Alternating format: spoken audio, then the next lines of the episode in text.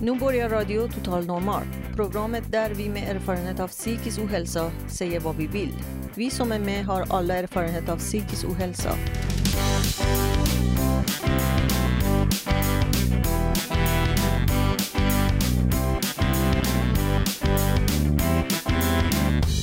Du lyssnar på Radio Total Normal 101,1 MHz.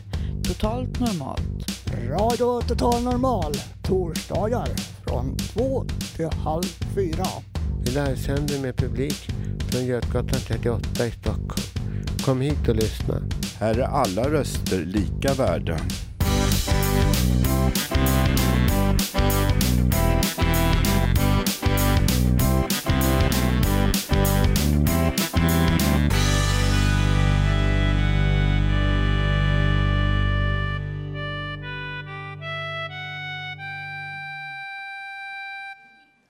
Varmt välkomna till vårt ettårsjubileum på Radio Total Normal. Det är den 1 oktober 2009 och vi började exakt för ett år sedan, den andra, torsdag 2 oktober 2008.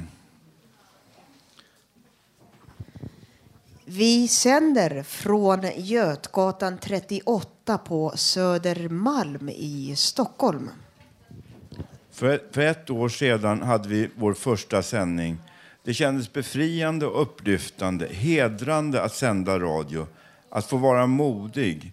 Innan första sändningen så var jag tveksam och tyckte att det var lite knäppt. Själva tanken på att vi skulle kunna sköta en radiostation känns orealistisk och overkligt.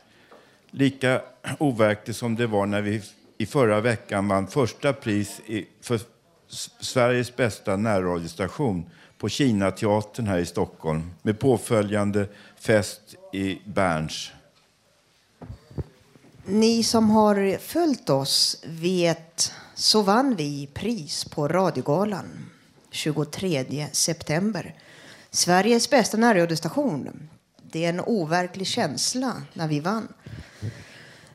Det var väldigt pampigt där, glamoröst och helt overkligt. Jag har aldrig själv varit på sådana sammanhang, eller går nästan. Jag går inte på flashiga ställen sådär, men det, det var som en Hollywoodfilm liksom. Ehm, jag, vi, jag eh, hade bandan i förväg förinspelat för att eh, eh, eftersom närradionomineringarna var först på listan, då tänkte jag jag måste vara förberedd.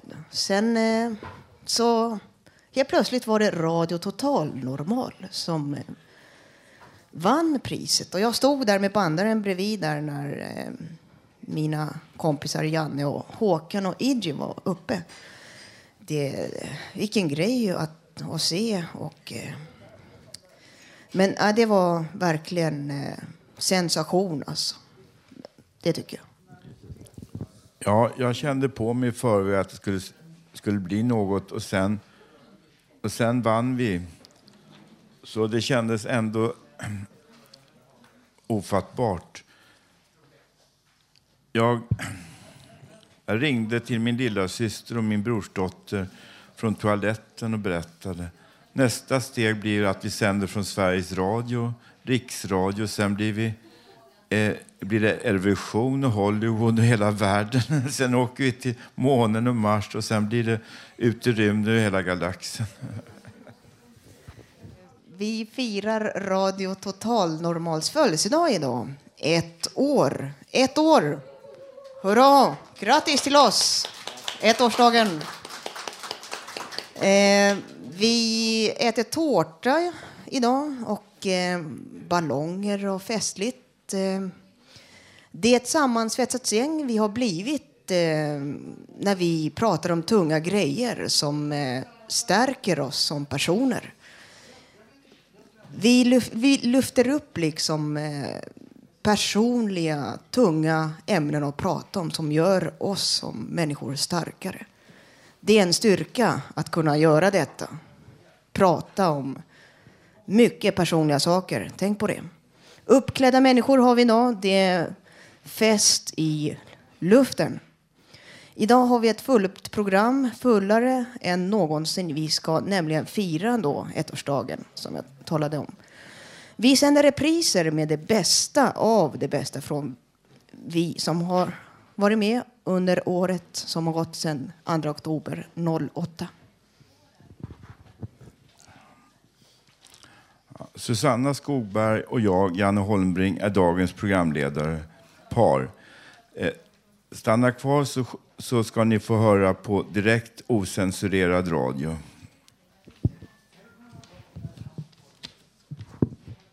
Okej, då... Eh,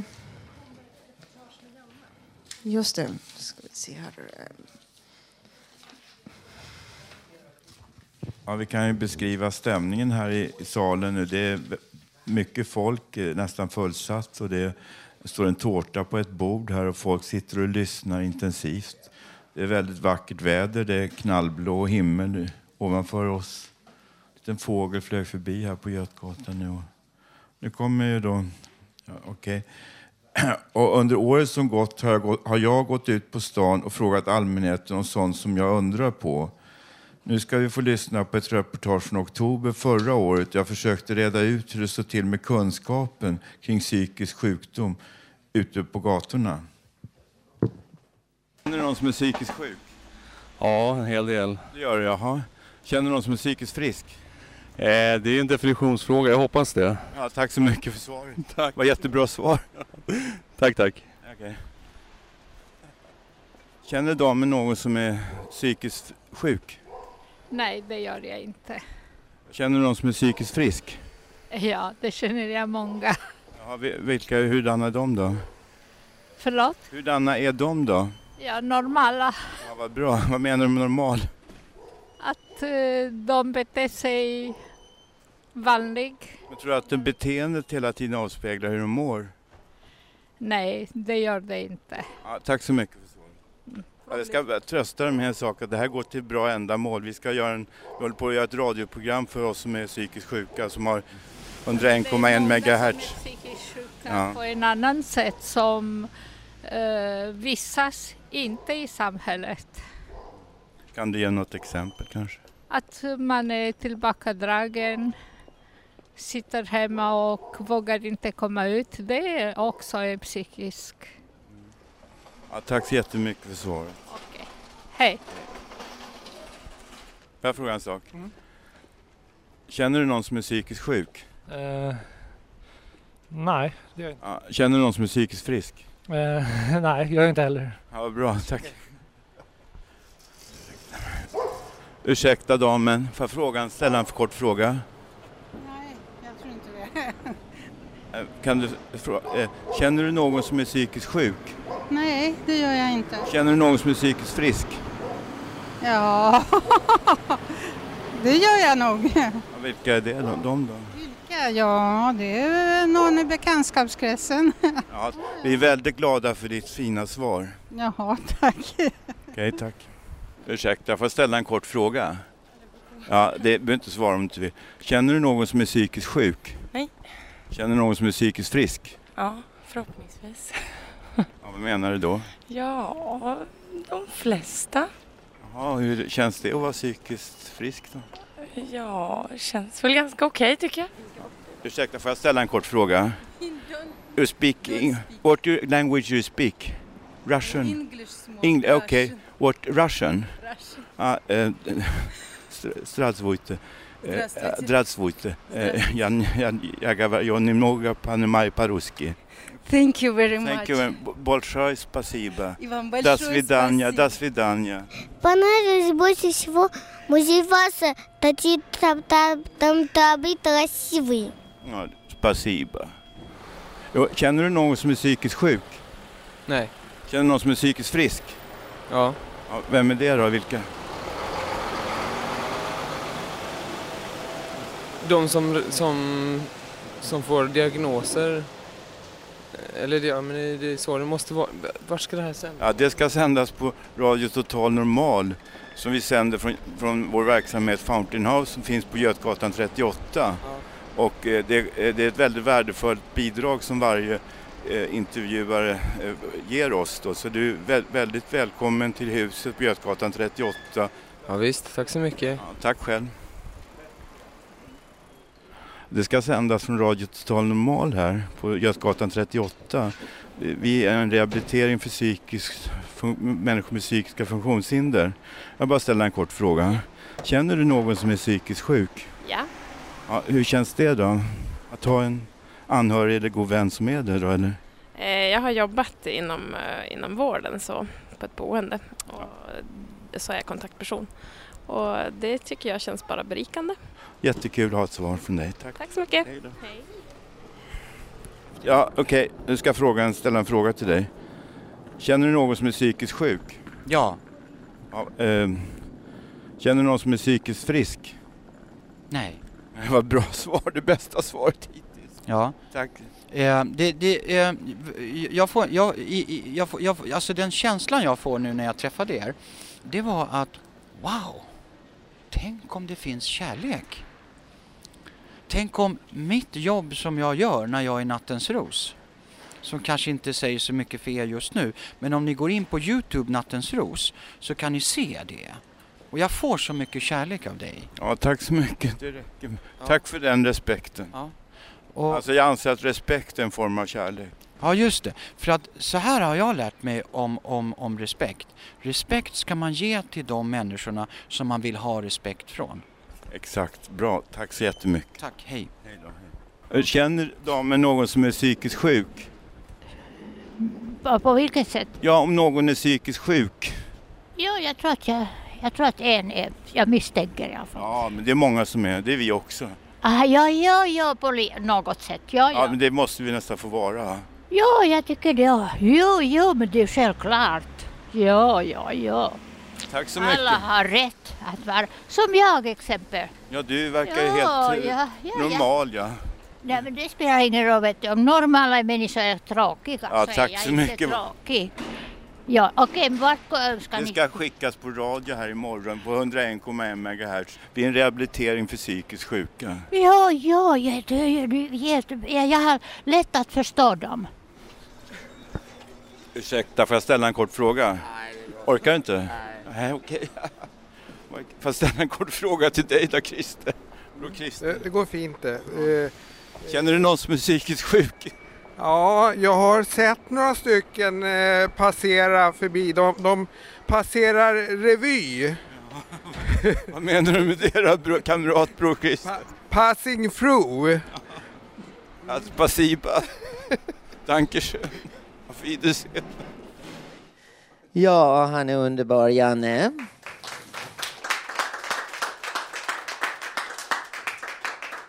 Ni lyssnar just nu på RTN, den normalaste kanalen av alla snart. Eh, jag har Janne här vid min sida. Janne, var får du allt ifrån? Ja, det kommer nog mycket inifrån. Och som jag hade mitt, min barndom var ju faktiskt väldigt jobbig. Jag upplevde mig många gånger då som en person när jag gick i skolan, en annan person när jag gjorde läxorna hemma och en tredje person när jag ute och gick i skogen. Då kan man ju kalla sig för tripolär. Och sen blev jag väl bipolär och nu är jag väl enpolär. Hoppas jag får förbli så då. Och jag, jag anser att vi är en ganska stor grupp i samhället. Om cirka en procent av äh, världens befolkning utvecklar någon form av psykiskt funktionshinder så är vi ganska många då. Så att vi har väl lika stor rätt som alla andra grupper i samhället att föra fram våra tankar och tro och åsikter och vad vi har då. Tack för ordet. Ja, du Janne. Det var mycket polär och polär där, bi och muni och uni. Du glömde väl det viktigaste? Vet du vad jag tycker du har börjat bli här i vår kanal? Populär.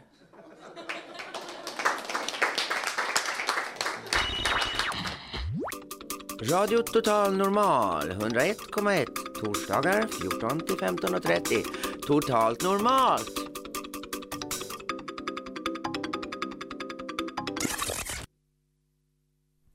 Nu ska jag läsa en reflektion som jag har skrivit och jag heter Karin Lundgren. Han skrattar åt oss. Fattar ni inte att han skrattar åt oss? Snusen rinner över hans håliga tänder och han njuter av sin position där i kön till snabbköpskassan. Han bläddrar i det senaste numret av Fantomen och skrattar samtidigt därför han vet hur dåligt vi mår av att han luktar illa. Men vad fan, tänker han. Hur ska de kunna tro att man kan lukta annat än illa och skit när det är fullt av den varan i byxorna? Hon som sitter i kassan känner inte stanken ännu. Hon är en pladdrig ung tjej som har gått skärmkurs och lärt sig att kunden tycker att det är trevligt att prata samtidigt som de inhandlar sin middagsmat.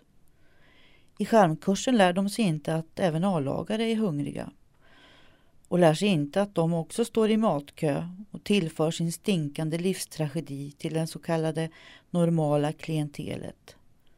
Vem nämnde livstragedi? Vem påstår att den nerskitne mannen med trasig överrock är mer livstragisk än andra? Ja, men så är det ju bara, invänder alla som tror sig veta bäst. Varför? Därför att hans liv är inte värt att leva. Eländet fyller det till bredd och längd. Fattar väl alla? Jo, jo. Ja, men hon som står där då? Ja, mitt framför honom och rynkar på sin lilla nästipp. Är hennes liv så mycket värdefullare? Visste ni att den drygt 30-åriga kvinnan där måste svepa tre glas martini varje gång hon ska ringa till sin våldsamma pojkvän som bor utomlands? Är det ett värdigt liv det? Att vara rädd för den man älskar? Och hon som står där då? Den äldre kvinnan med sin lilla mops i koppel. Hon som maniskt städar sin lägenhet varje dag för att hålla depressionen borta och vars dotter bara hör av sig till jul. Är hennes liv värdefullare än mannen som stinker vid hennes sida? Nu skrattar han igen. Han vet att omgivningen lider av att han står just där. Men Fantomen har just räddat ett barn från ett hungrigt lejon.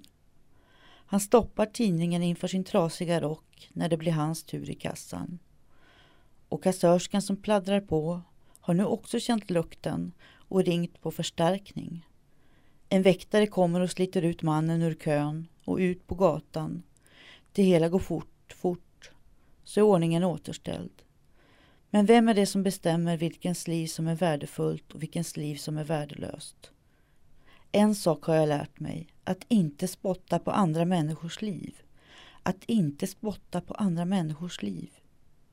Och när jag tittar ut genom skyltfönstret ser jag att den stinkande mannen fortfarande skrattar. Han skrattar åt oss. Nu ska Ebba, medarbetare på Radio Total Normal, spela piano och sen läsa en dikt. Varsågod Ebba.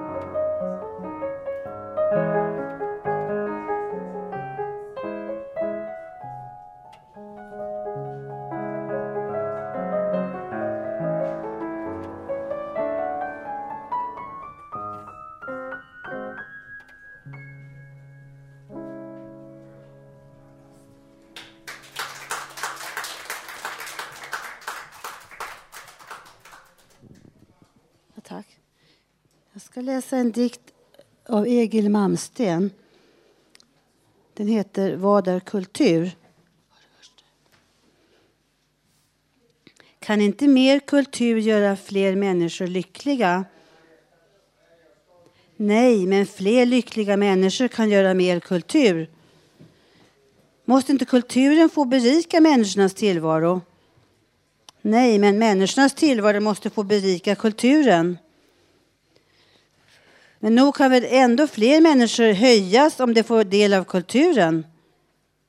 Nej, men fler människor får ge sin del kan kulturen höjas. Men kulturen är väl ändå till för människorna? Jo, till men inte för. Inte för, utan genom människorna är kulturen till. Genom dem till vilka den når. Till den från vilka den hämtas. Och genom få till få. Och genom fler till fler. Och genom var och en till alla.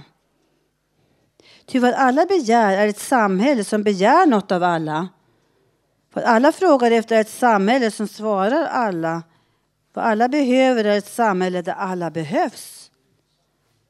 Vad hjälper överflödet den överflödige? Men till det samhället som alla sköter hör en kultur som alla möter. Ja, till det samhället som många önskar hör en kultur som gror och grönskar. Vad är kultur? Det är en roll du spelar som en av samhällets humana delar. Vad är kultur? Det är streck du ritar som en av samhällets profana bitar. För i det samhället där alla ingår är det kultur vad alla utför. Ja, i det samhället som alla upptar är det kultur vad alla uppnår. Vad är kultur? Den bit du spisar, det steg du dansar och allt det du visar. Vad är kultur? Allt det du tänker, allt det du tar emot, allt det du skänker. Och vara människa och gno och streta och vara människa och tro och veta. Inte bara det och be och skrapa. Det är att vara med och ge och skapa. Vad är kultur? Det är en roll du spelar för hela stycket som består av delar. Vad är kultur? Det är streck du ritar till helhetsbilden som består av bitar. Och vara människa och gno och streta och vara människa och bo och äta. Inte bara det och ha och peka, det är att vara med och ta och smeka. Vad är kultur? Den eld som brunnit genom mörka tider och ej försvunnit. Vad är kultur? Allt det vi vunnit när, fram, när till framtidslandet vi tillsammans hunnit. För i det samhället står ej kulturen emot tekniken eller mot naturen. Nej, i det samhället där alla blandas är det kultur att kunna andas. Vad är kultur? Det steg vi vandrar genom ensamheten för att nå varandra. Vad är kultur? Din röst som ropar, min röst som svarar och den kvast som sopar. Ja, Radio Total Normal 101,1 i Stockholm. Robert har varit med ända sedan vår första sändning på Radio Total Normal. Han delar varje vecka med sig av sina betraktelser, berättelser och dikter. Vi är stolta över att ha en riktig konstnär på redaktionen. Here we are, we are the best, we are doing the Armageddon. Here we are, we are the best, we are doing the Armageddon. Two steps forward, four way back, we are doing the Armageddon. We are doing the Armageddon. We are the tops, we are the crops, we are doing the Armageddon. Two steps back, one way up front, we are doing the Armageddon. Two steps forward, one way back, we are doing the Armageddon. We are the crops, we are the tops, we are doing the Armageddon. We are the best, we are the West, we are doing the Armageddon. We are doing the Armageddon. We are what we are, we are doing the Armageddon. We are the East, we are the West, we are doing the Armageddon. Three steps up, one way back, we are doing Armageddon. Two steps up, one way back, we are doing Armageddon. Way up east, way back west, we are doing Armageddon. Here we are, we are the best, we are doing Armageddon. Here we are, we are the best, we are doing Armageddon. Two steps forward, one way back, we are doing Armageddon. We are doing Armageddon. We are the top of the crops, we are doing Armageddon. Two steps back, one up front, we are doing Armageddon. Two steps forward, one way back, we are doing Armageddon. We are the crop of the top, we are doing the Armageddon. We are the best, we are the west, we are doing Armageddon. We are doing Armageddon. We are what we are, we are doing the Armageddon. We are the east, we are the west, we are doing the Armageddon. Three steps up, four way back, we are doing the Armageddon. Two steps up, one way back, we are doing the Armageddon. Way up east, way back west, we are doing the Armageddon.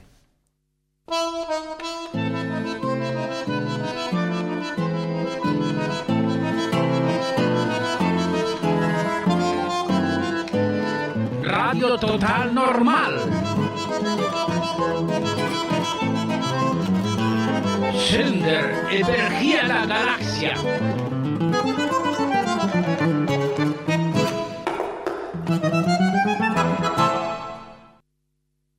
Susanna. Jag jobbar på Radio Total Normal. Jag eh, tänkte berätta om mig själv.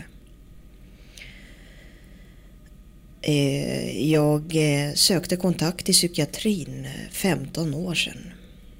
Jag hade blivit utsatt för kvinnomisshandel.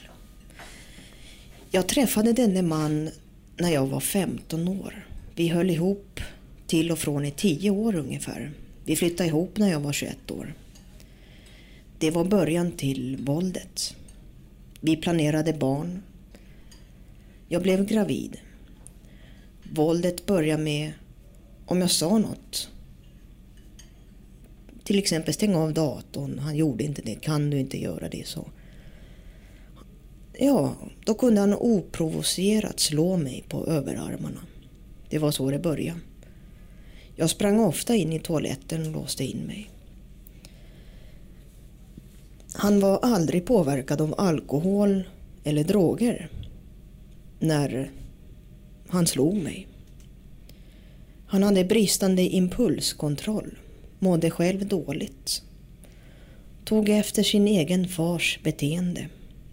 Det han såg när han var liten, att han pappa slog sin mamma.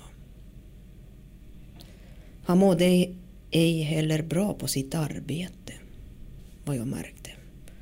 Han skuldbelade mig ofta. Jag får skylla mig själv. Det är ditt fel. Om du inte hade gjort si och så här och så vidare. Våldet stegrar sig efter ett tag. Slag i magen. Blir slängd upp för en stentrappa. Och så vidare. Jag fick en örfil som eh, ledde till hörselnedsättning än idag. Dock behöver jag ingen hörapparat. Men jag har en hörselnedsättning. Jag flyttade efter ett halvår. Sökte mig till kvinnokliniken och gjorde abort. Jag fick stöd av en kompis, socialtjänsten jourhavande kurator. Jag gjorde en polisanmälan. Tog tillbaka den. Jag kände mig hotad.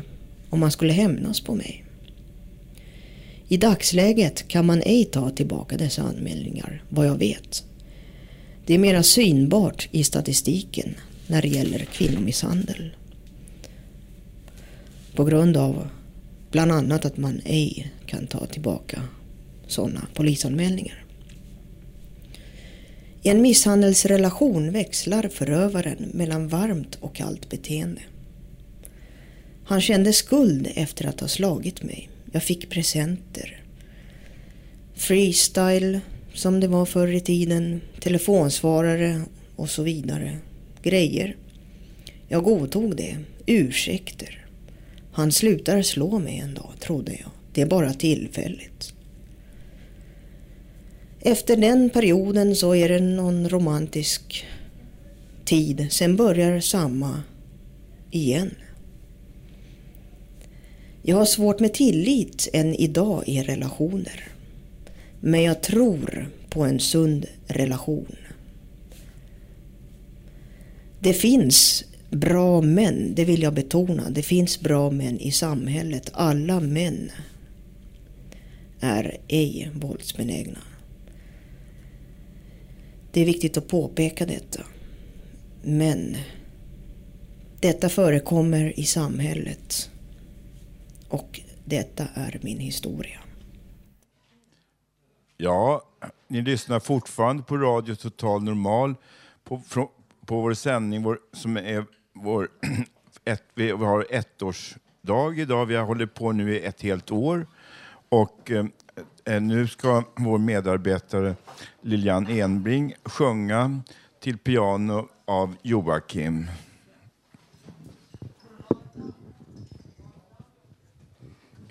Mm.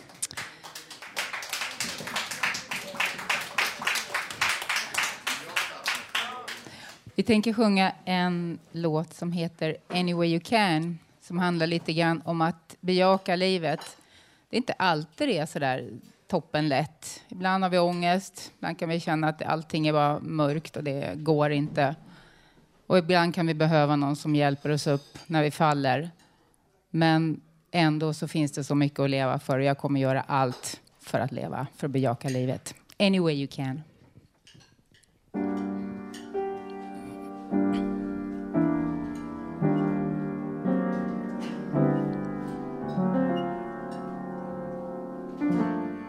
Any way you can, anything you have to do, anything you need survive.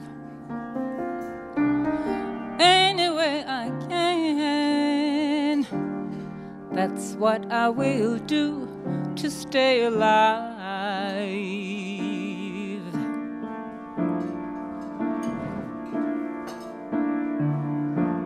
Cross the river deep, I cry myself to sleep, but that won't bring you back to my life.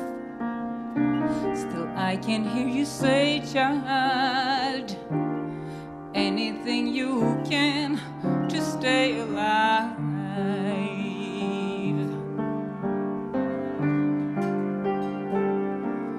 But when you need someone like I need someone, when you need someone to catch you when you fall, when you need someone like I need someone, anyone at all.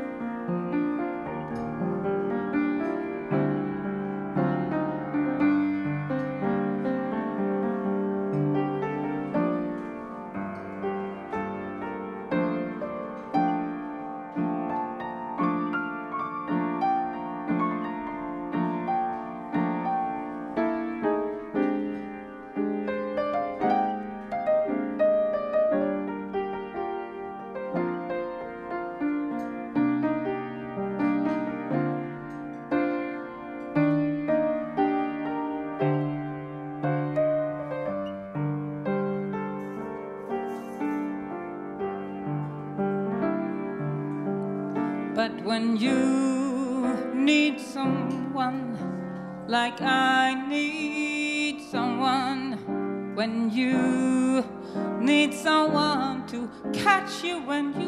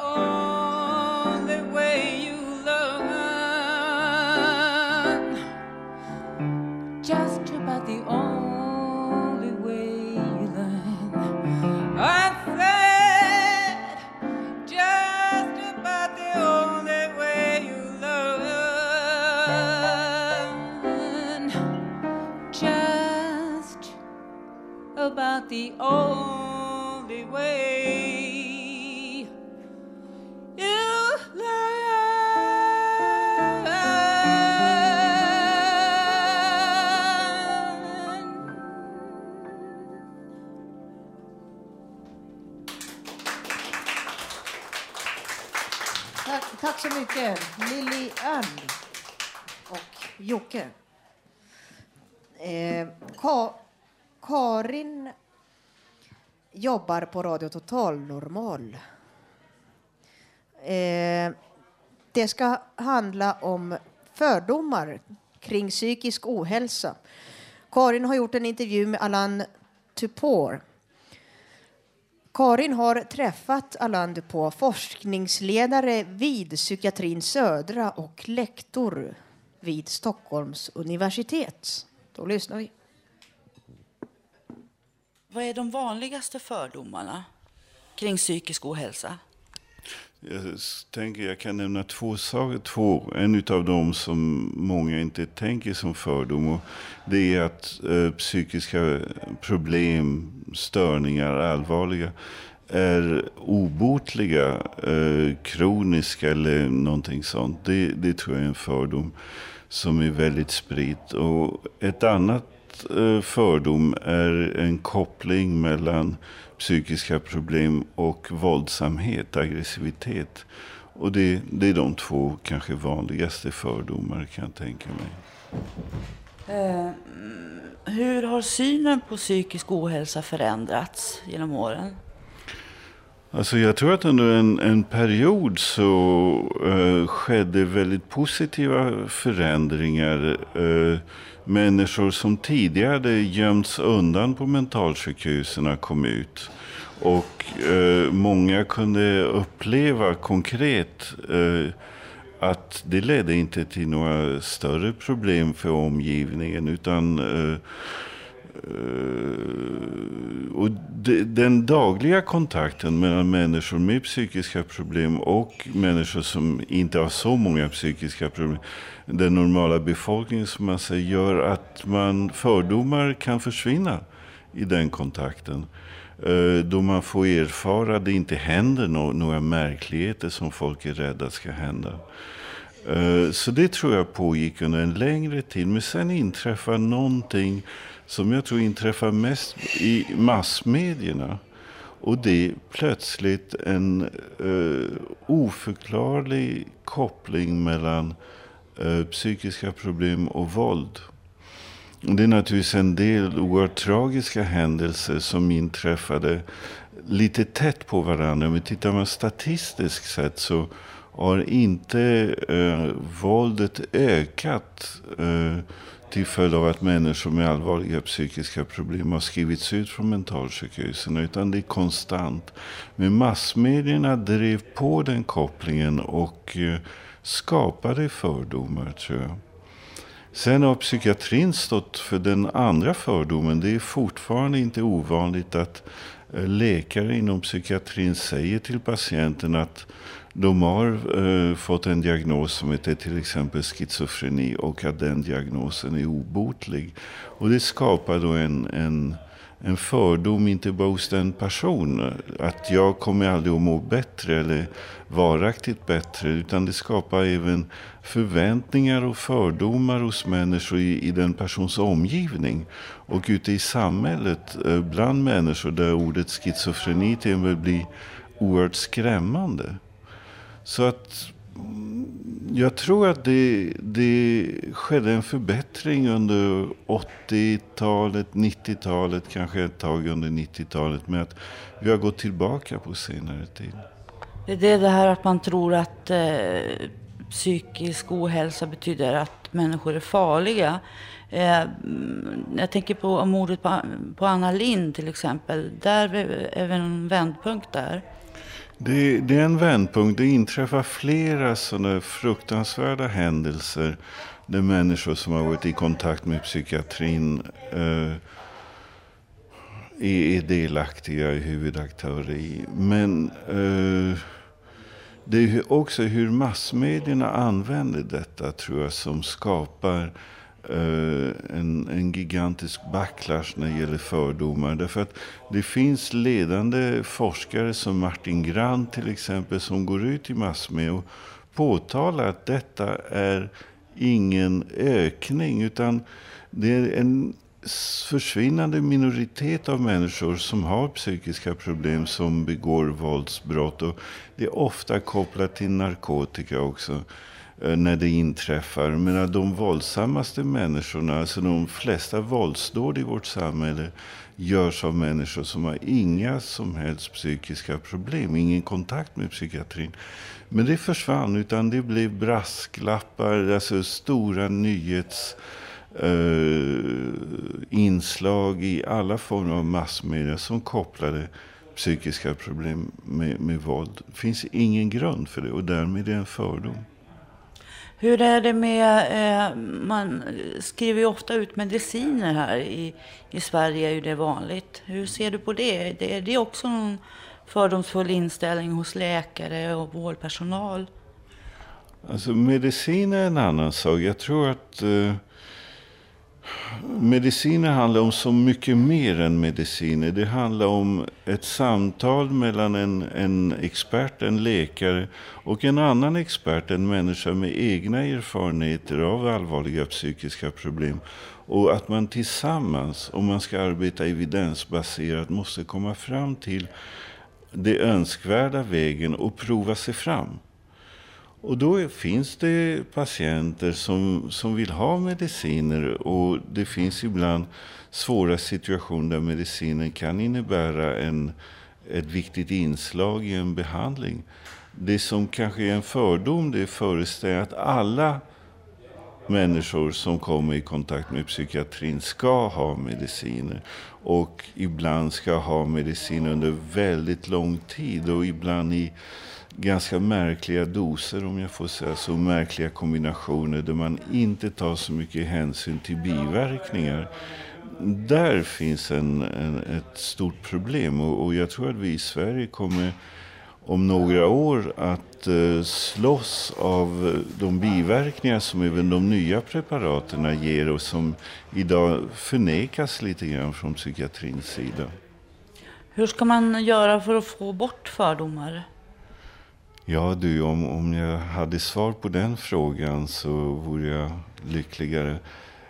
Ja, uppriktigt sagt så vet jag inte. Jag vet att om, om jag jobbar kliniskt, äh, träffar patienter så måste jag dels ta hänsyn till fördomarna omkring dem, men också fördomar som de kanske har om sig själva. Eh, till exempel, många tror att de har ett livslång sjukdom. Och, och det, det, finns inga eh, bevis för det att någon har.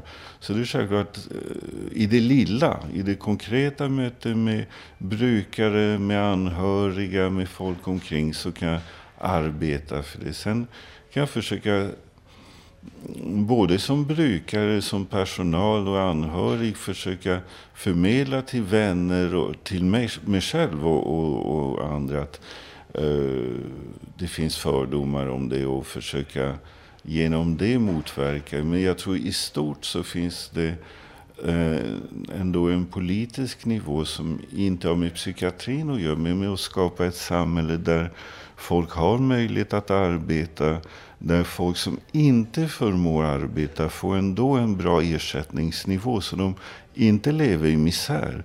För jag tror att våra fördomar rör sig mycket om fattiga människor och om rädslan att själv bli fattig. Och då lägger vi på dem allt som vi är rädda för. Och mot det så tror jag tyvärr inte så mycket på att man kan eh, upplysa människor. För människor vet någonstans att har man psykiska problem så är man en vanlig människa också.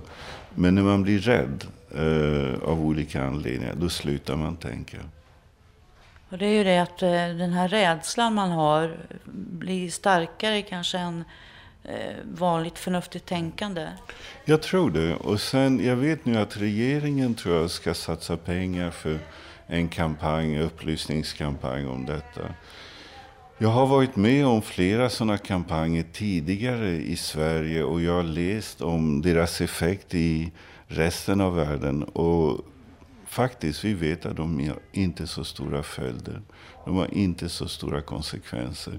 Det handlar inte om att sprida kunskaper för folk, hämta kunskaper från en mängd olika håll.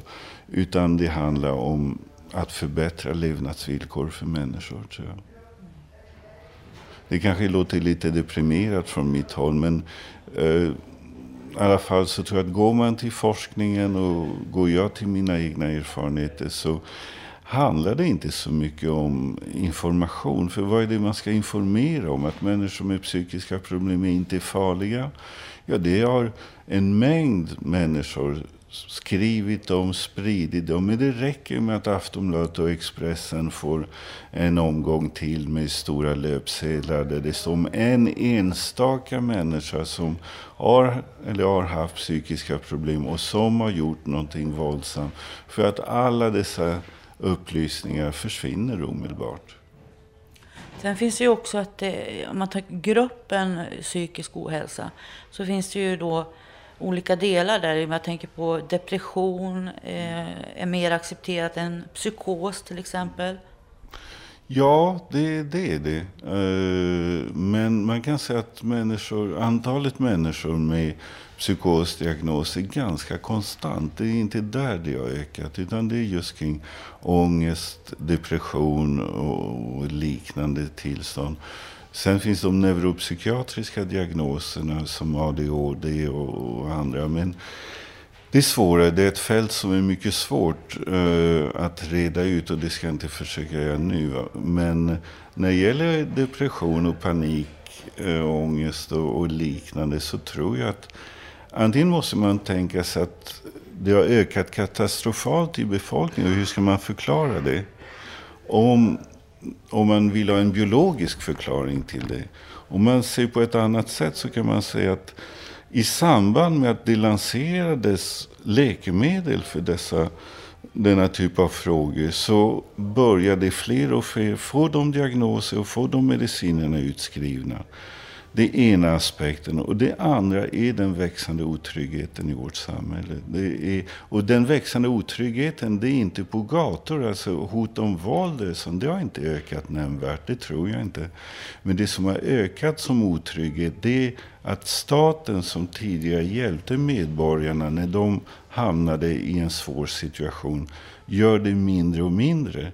Vi som har goda inkomster, vi betalar lägre och lägre skatter och vill behålla våra pengar för oss och inte tänka i solidariska termer att människor som har det sämre har också rätt till ett, ett värdigt liv.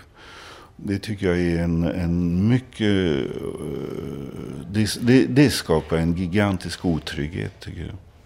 Tack så mycket.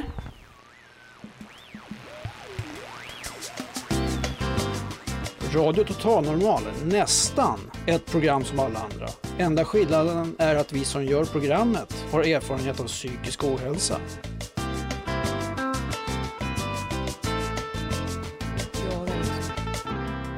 Radio Total Normal. Ja, hej, jag heter Agneta Källström.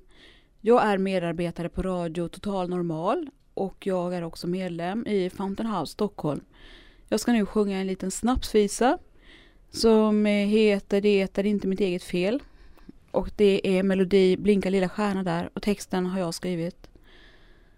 Det är ej mitt eget fel att jag dricker en hel del Förut i mitt ansiktshål kröp där in en slemmig gål som simmar runt bland lök och kål och längtar efter nästa skål. Skål din ål.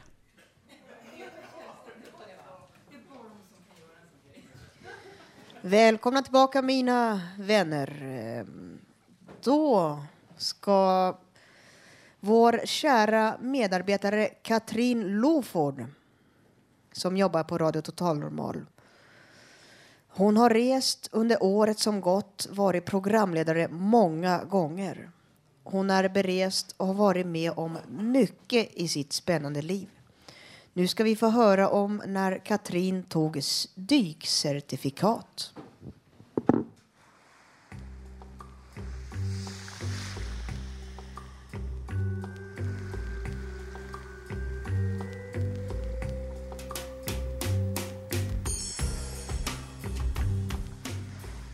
Aloha, kan man säga även på Maldiverna.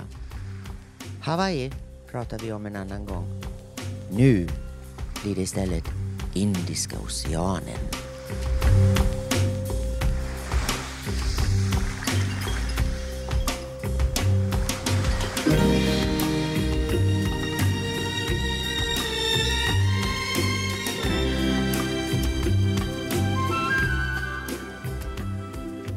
Var tysk, kvinnan svensk. Korallerna lockade i djupet och dykläraren var en schweizare. Jo, jag var så kär i min man, men nu och där skulle jag verkligen sättas på prov. Nej, inte vad gällde schweizaren. Även om han var bra nog. Han räddade mig på slutet av denna prövning.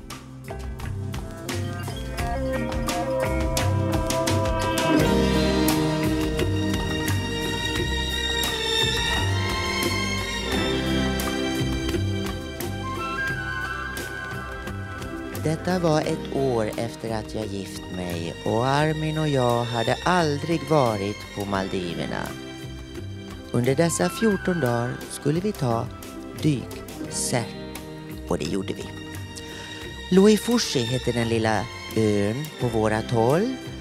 Maldiverna består ju av en samling låglänta öar, så små att man kan ströva runt sin husö på 20 minuter i vattnet eller på stranden. En eh, 50 meter dock utanför stranden stupade ned i korallvärlden till djupare vatten. Det var där vi dök. Vi var en cirka 10 personer i gruppen. Jag mötte alla möjliga fiskar och annat där på husrevet. Särskilt minns jag det kom en sköldpadda en dag. Ja, och han var rätt långsam när den simmade upp vid mig. Och just då hade vi ingen lektion med tuber och så, utan Armin och jag bara snorklade, fotade och hade kul på grunt vatten. Jag tog tag i den där sköldpaddan och dess hårda skal och tänkte, mm, ja han simmar väl nu framåt då, så jag kan hänga på en liten bit så att säga. Ja, men nej, han drog neråt mot djupet och jag var tvungen att släppa taget. Mm. Det fanns så många nya fiskar jag aldrig sett förut. Napoleonfiskar, revhajar, papegojfiskar och allt möjligt. Vid ett lektionsdyk kom det fram en som liknade en stor abborre. Ja, han nosade och nafsade vid mina ben och jag tyckte han blev eh, ovanligt påträngande. Med öppen mun gick den liksom till attack och jag blev rädd. Det visade sig ha varit en triggerfish. Mm. Vid teorilektionen samma kväll visade schweizarens flickvän som också hon var dyklärare. Hon visade sitt lår på insidan. Där felade en bit. Stort som en ägghalva. Oh. Ja, Alltså jag blev ganska blek och tyst när jag förstod vilken typ fisk jag hade mött den dagen. Mm. Men eh, revhajarna, de var inte farliga. De upplevde jag som bara gulliga, nyfikna och intensiva. De attackerar inte människor. I alla fall inte blondiner på 1,76 centimeter långa. En annan grej jag aldrig glömmer, det var ju slutprovet då, sista dagarna. Jag kuggade lite på tabellen och skulle egentligen inte fått godkänt. Då grät jag den där kvällen. Men schweizaren motiverade mitt godkännande med att jag varit ypperligt bra vad det gällde det praktiska i dykningen. Att jag sen fick skriva om provet och Armin ansåg att jag fuskade. Tch, Ja, man må väl betänka att ta dykcert, det kräver faktiskt lite grann tänkande. Dessutom var ju hela kurslitteraturen på tyska och ja, jag lyckades i alla fall ta lägget. Ja, det var väl huvudsaken. Numera nöjer jag mig med snorkling. Visste ni att i svenska skärgården kan man också snorkla? Jo, Ingarö och Nynäshamn har väldigt coola klipper och vackra bottnar. Jo, det är sant. Häng med dit i sommar. Ja, kram och hej nu från mig, Katrin Loford.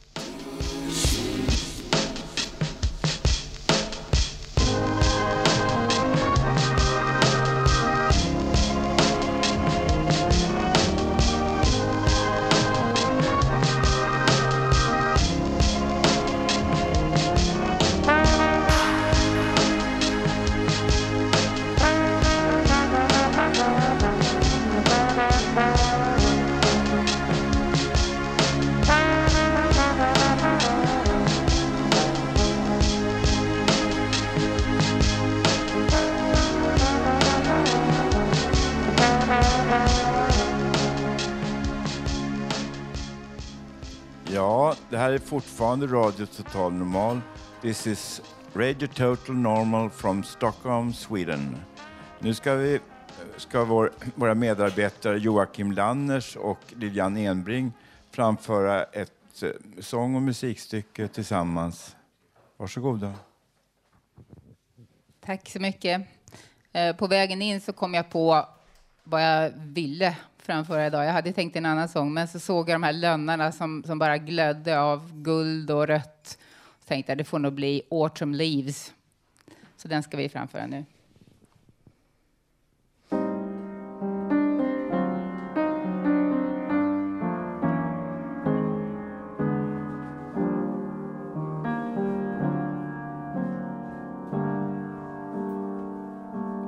The fallen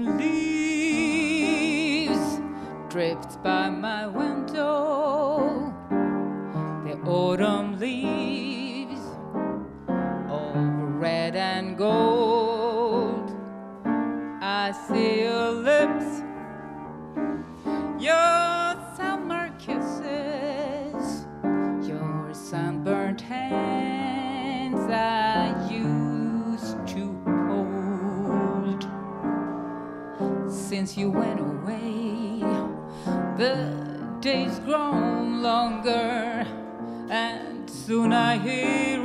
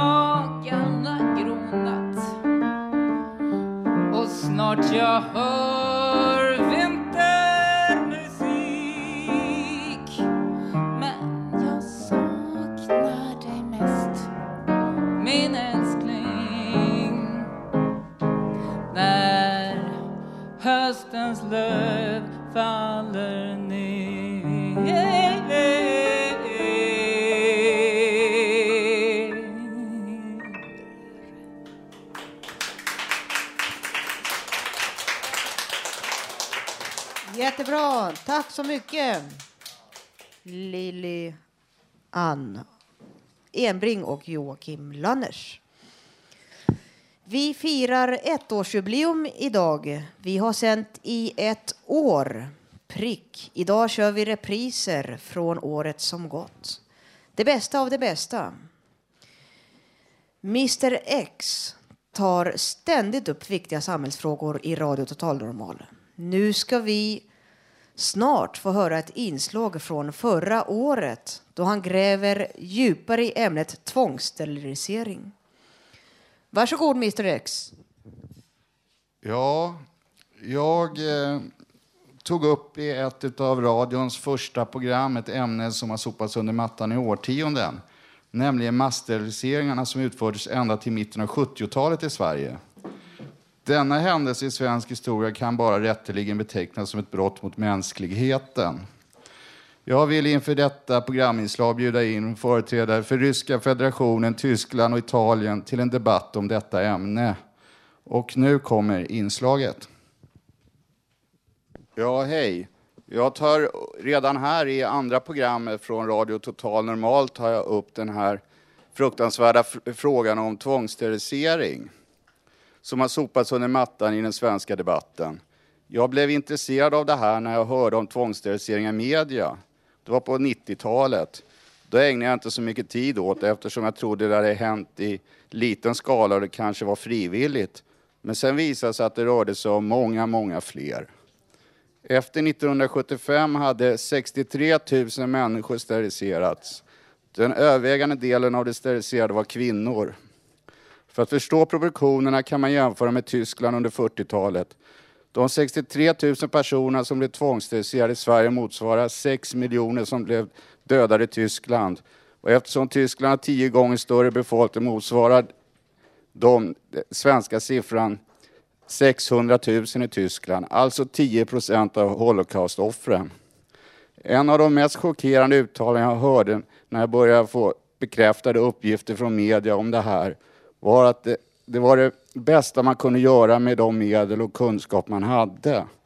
Då kan man fråga sig vad man skulle säga om Tyskland gick ut med att Holocaust var den bästa metoden under 40-talet för att lösa problemen med genetiskt underlägsna. Det var tre grupper som utsattes för tvångssterilisering och bland dem fanns till exempel personer vars föräldrar, sociala omständigheter man trodde skulle leda till en mindervärdig individ.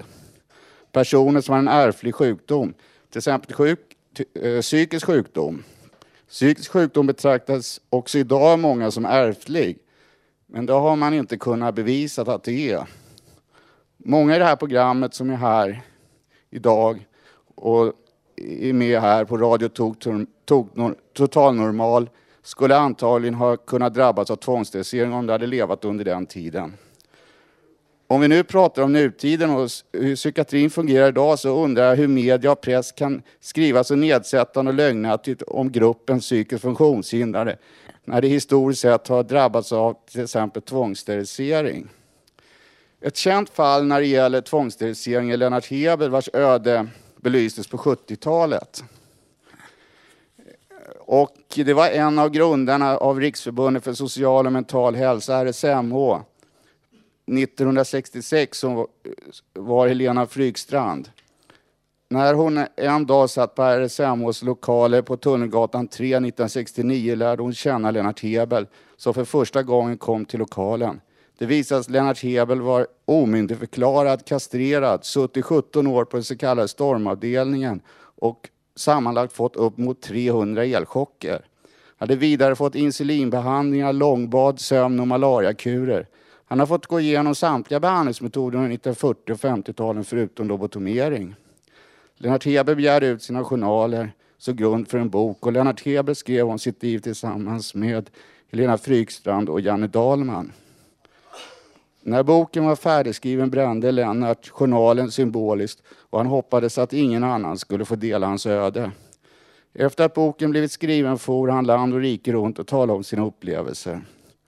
Anledningen till att Lennart Hebel fick denna fruktansvärda behandling var att han hade strax efter puberteten varit sadistisk mot smådjur, vridit nacken av höns och sparkat ihjäl en kattunge.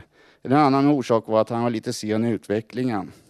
År 1974 lämnade Lennart Hebel Beckomberga efter 35 år för att bo i egen lägenhet.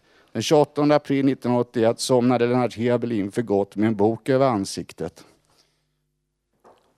Ja, det här var tänkvärda ord av vår medarbetare Mr X som har forskat väldigt mycket kring de här sakerna. Det är alltså historiken bakom det som har varit innan vi kanske, som vi kanske har glömt bort och vi, vilket vi kanske måste påminnas om dagligen i dessa tider. Nu ska vår medarbetare Håkan Eriksson läsa en historia att inte gå förbi. Och den här historien är en sann upplevelse som jag har varit med om. En dag när jag gick på en promenad, då ser jag en man ligga på marken. Det ser ut som han bara vilar. När jag kommer fram så hör jag tydligt att han har svårt att andas. Jag får kontakt och försiktigt så lägger jag mannen i framstupa sidoläge så han får fria andningsvägar.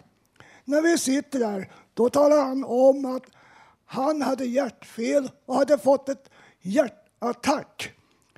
Efter cirka fem minuter så ser jag en akutbil som jag stoppar. Och ytterligare efter en minut senare kommer en ambulans och för mannen till sjukhus.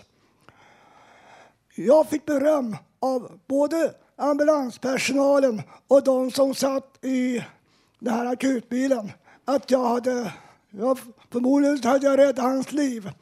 Tre veckor efter det så träffade jag samma man. Och han var så tacksam att han överlevde. Så han bjöd mig på en lyxmiddag som fem, femstjärnig dessutom.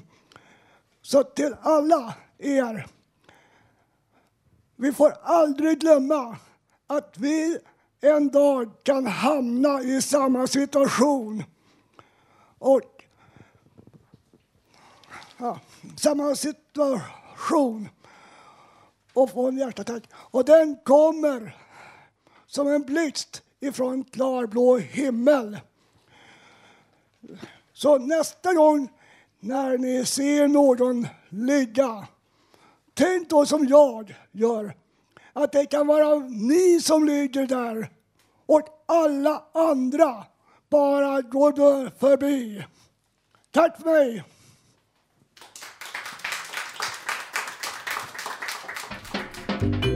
Poesi i Radio Total Normal.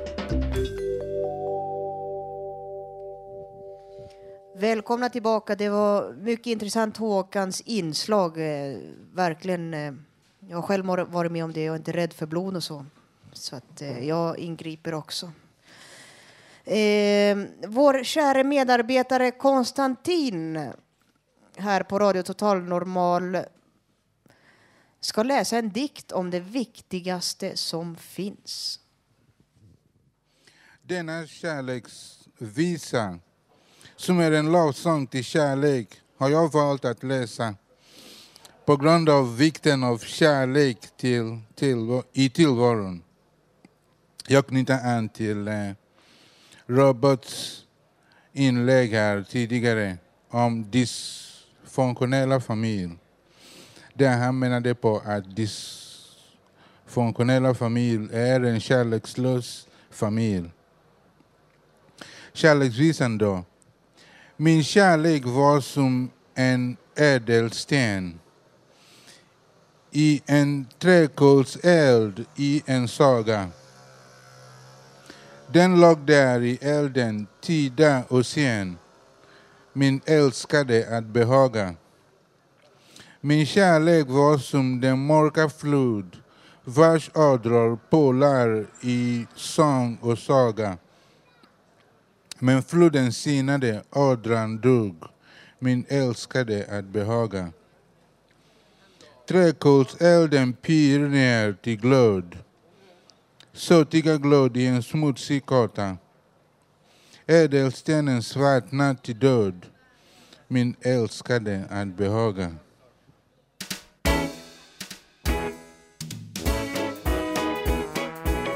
Vi har en riktig show om du vill hänga med med lite dur och moll så fixar vi till det. Vi har slagit alla våra huvuden ihop och vi har fått fram ett radioprogram. Det här är vad vi gjort. Radio Total Normal. Det svänger.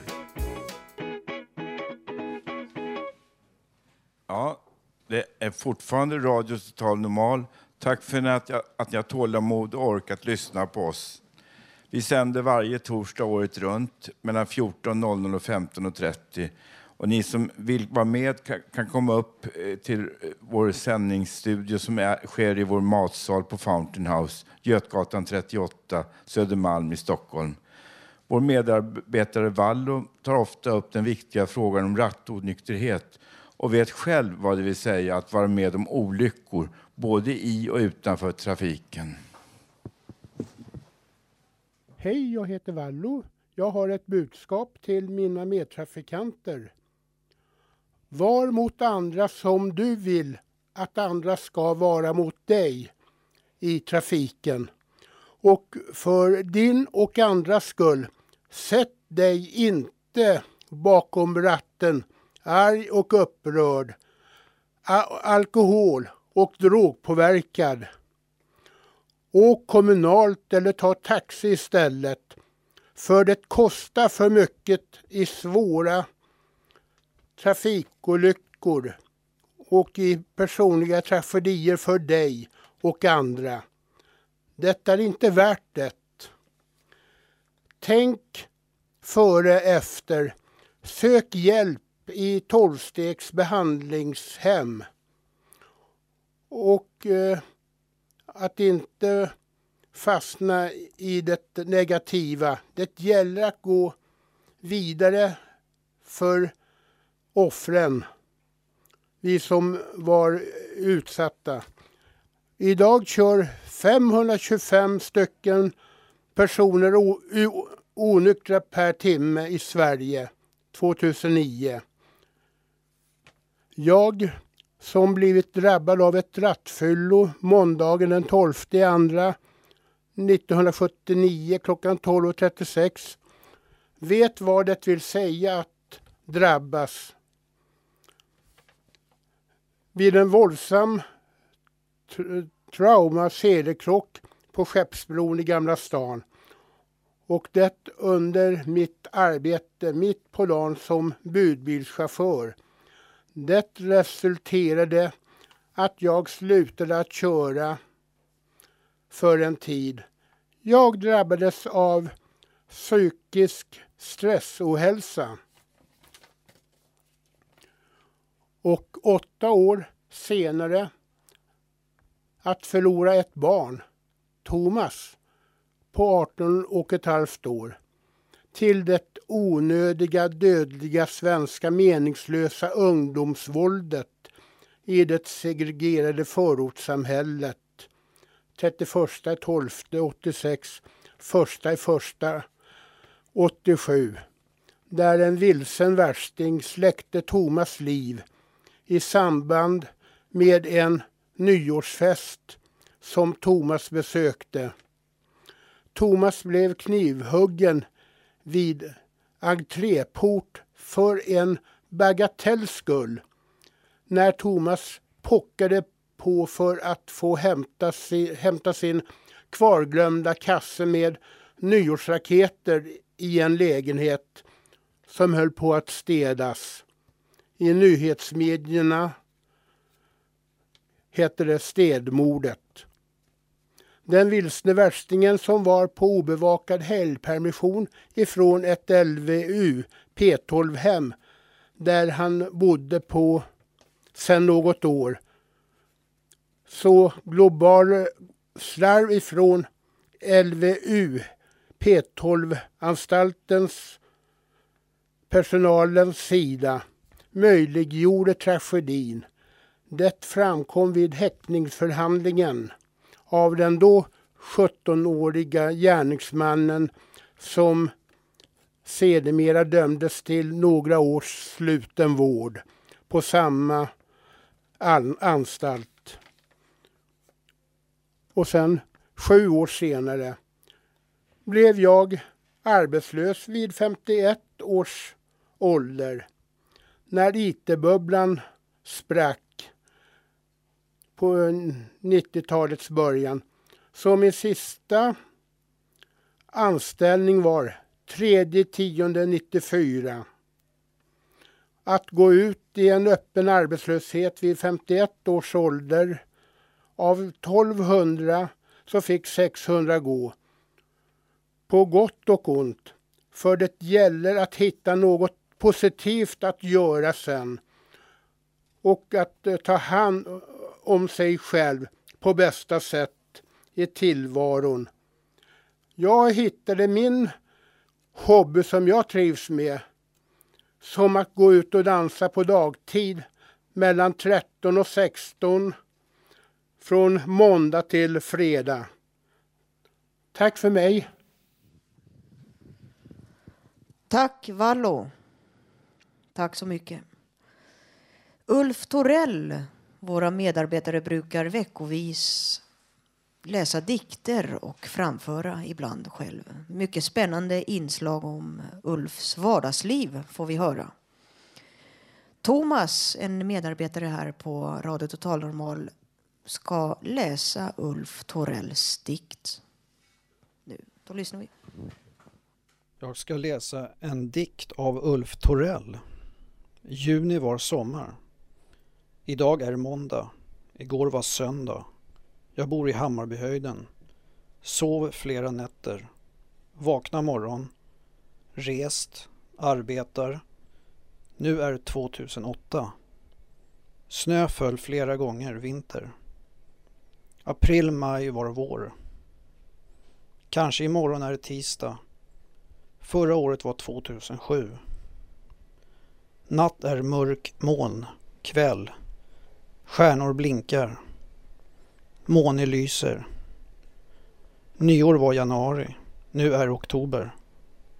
Juni, juli var sommar. Nu är höst. Förra månaden var september. Jag är 55. Påsk dessutom pingst var i år. Morgon är ljus. Jag som läste dikten heter Thomas.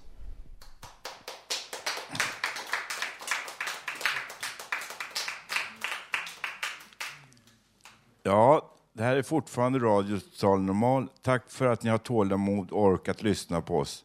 Nu ska Siv berätta om hur det är att komma i kontakt med vården när man mår psykiskt dåligt. Du behåller din plats i kön. Tack för att du väntar. Du behåller din plats i kön. Tack för att du väntar. Du behåller din plats i kön. Tack för att du väntar. En kall röst säger första psykiatriska mottagning. Eh, personnummer 60 0329 1702.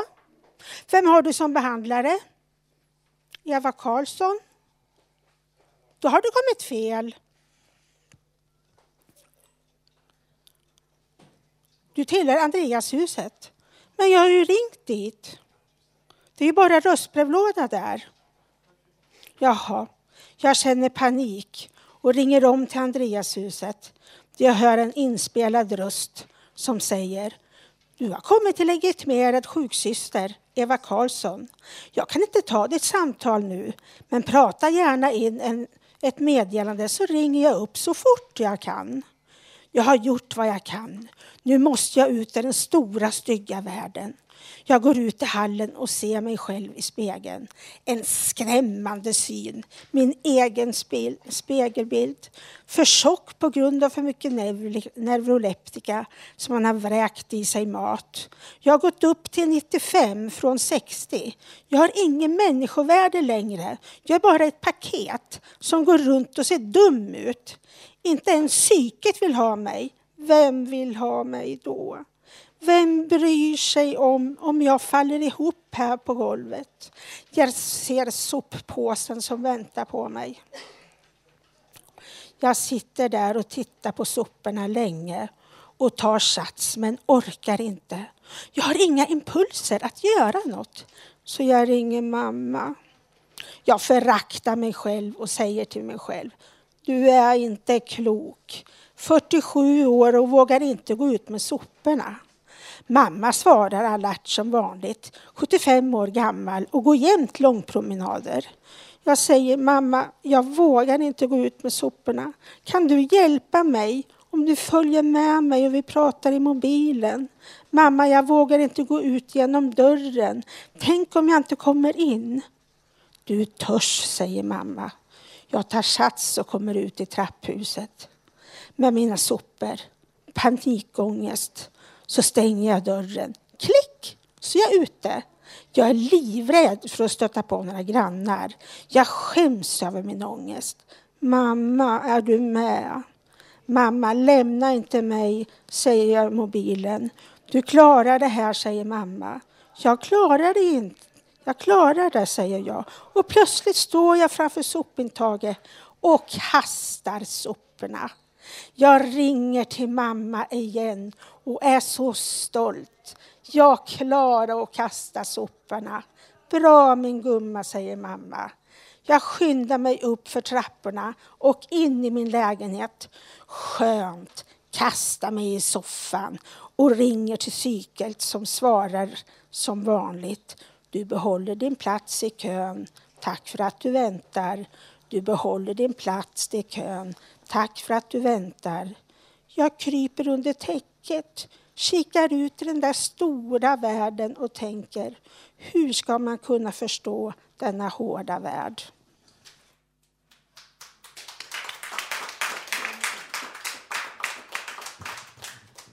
Ja, det, det är en del av vardagen detta för många.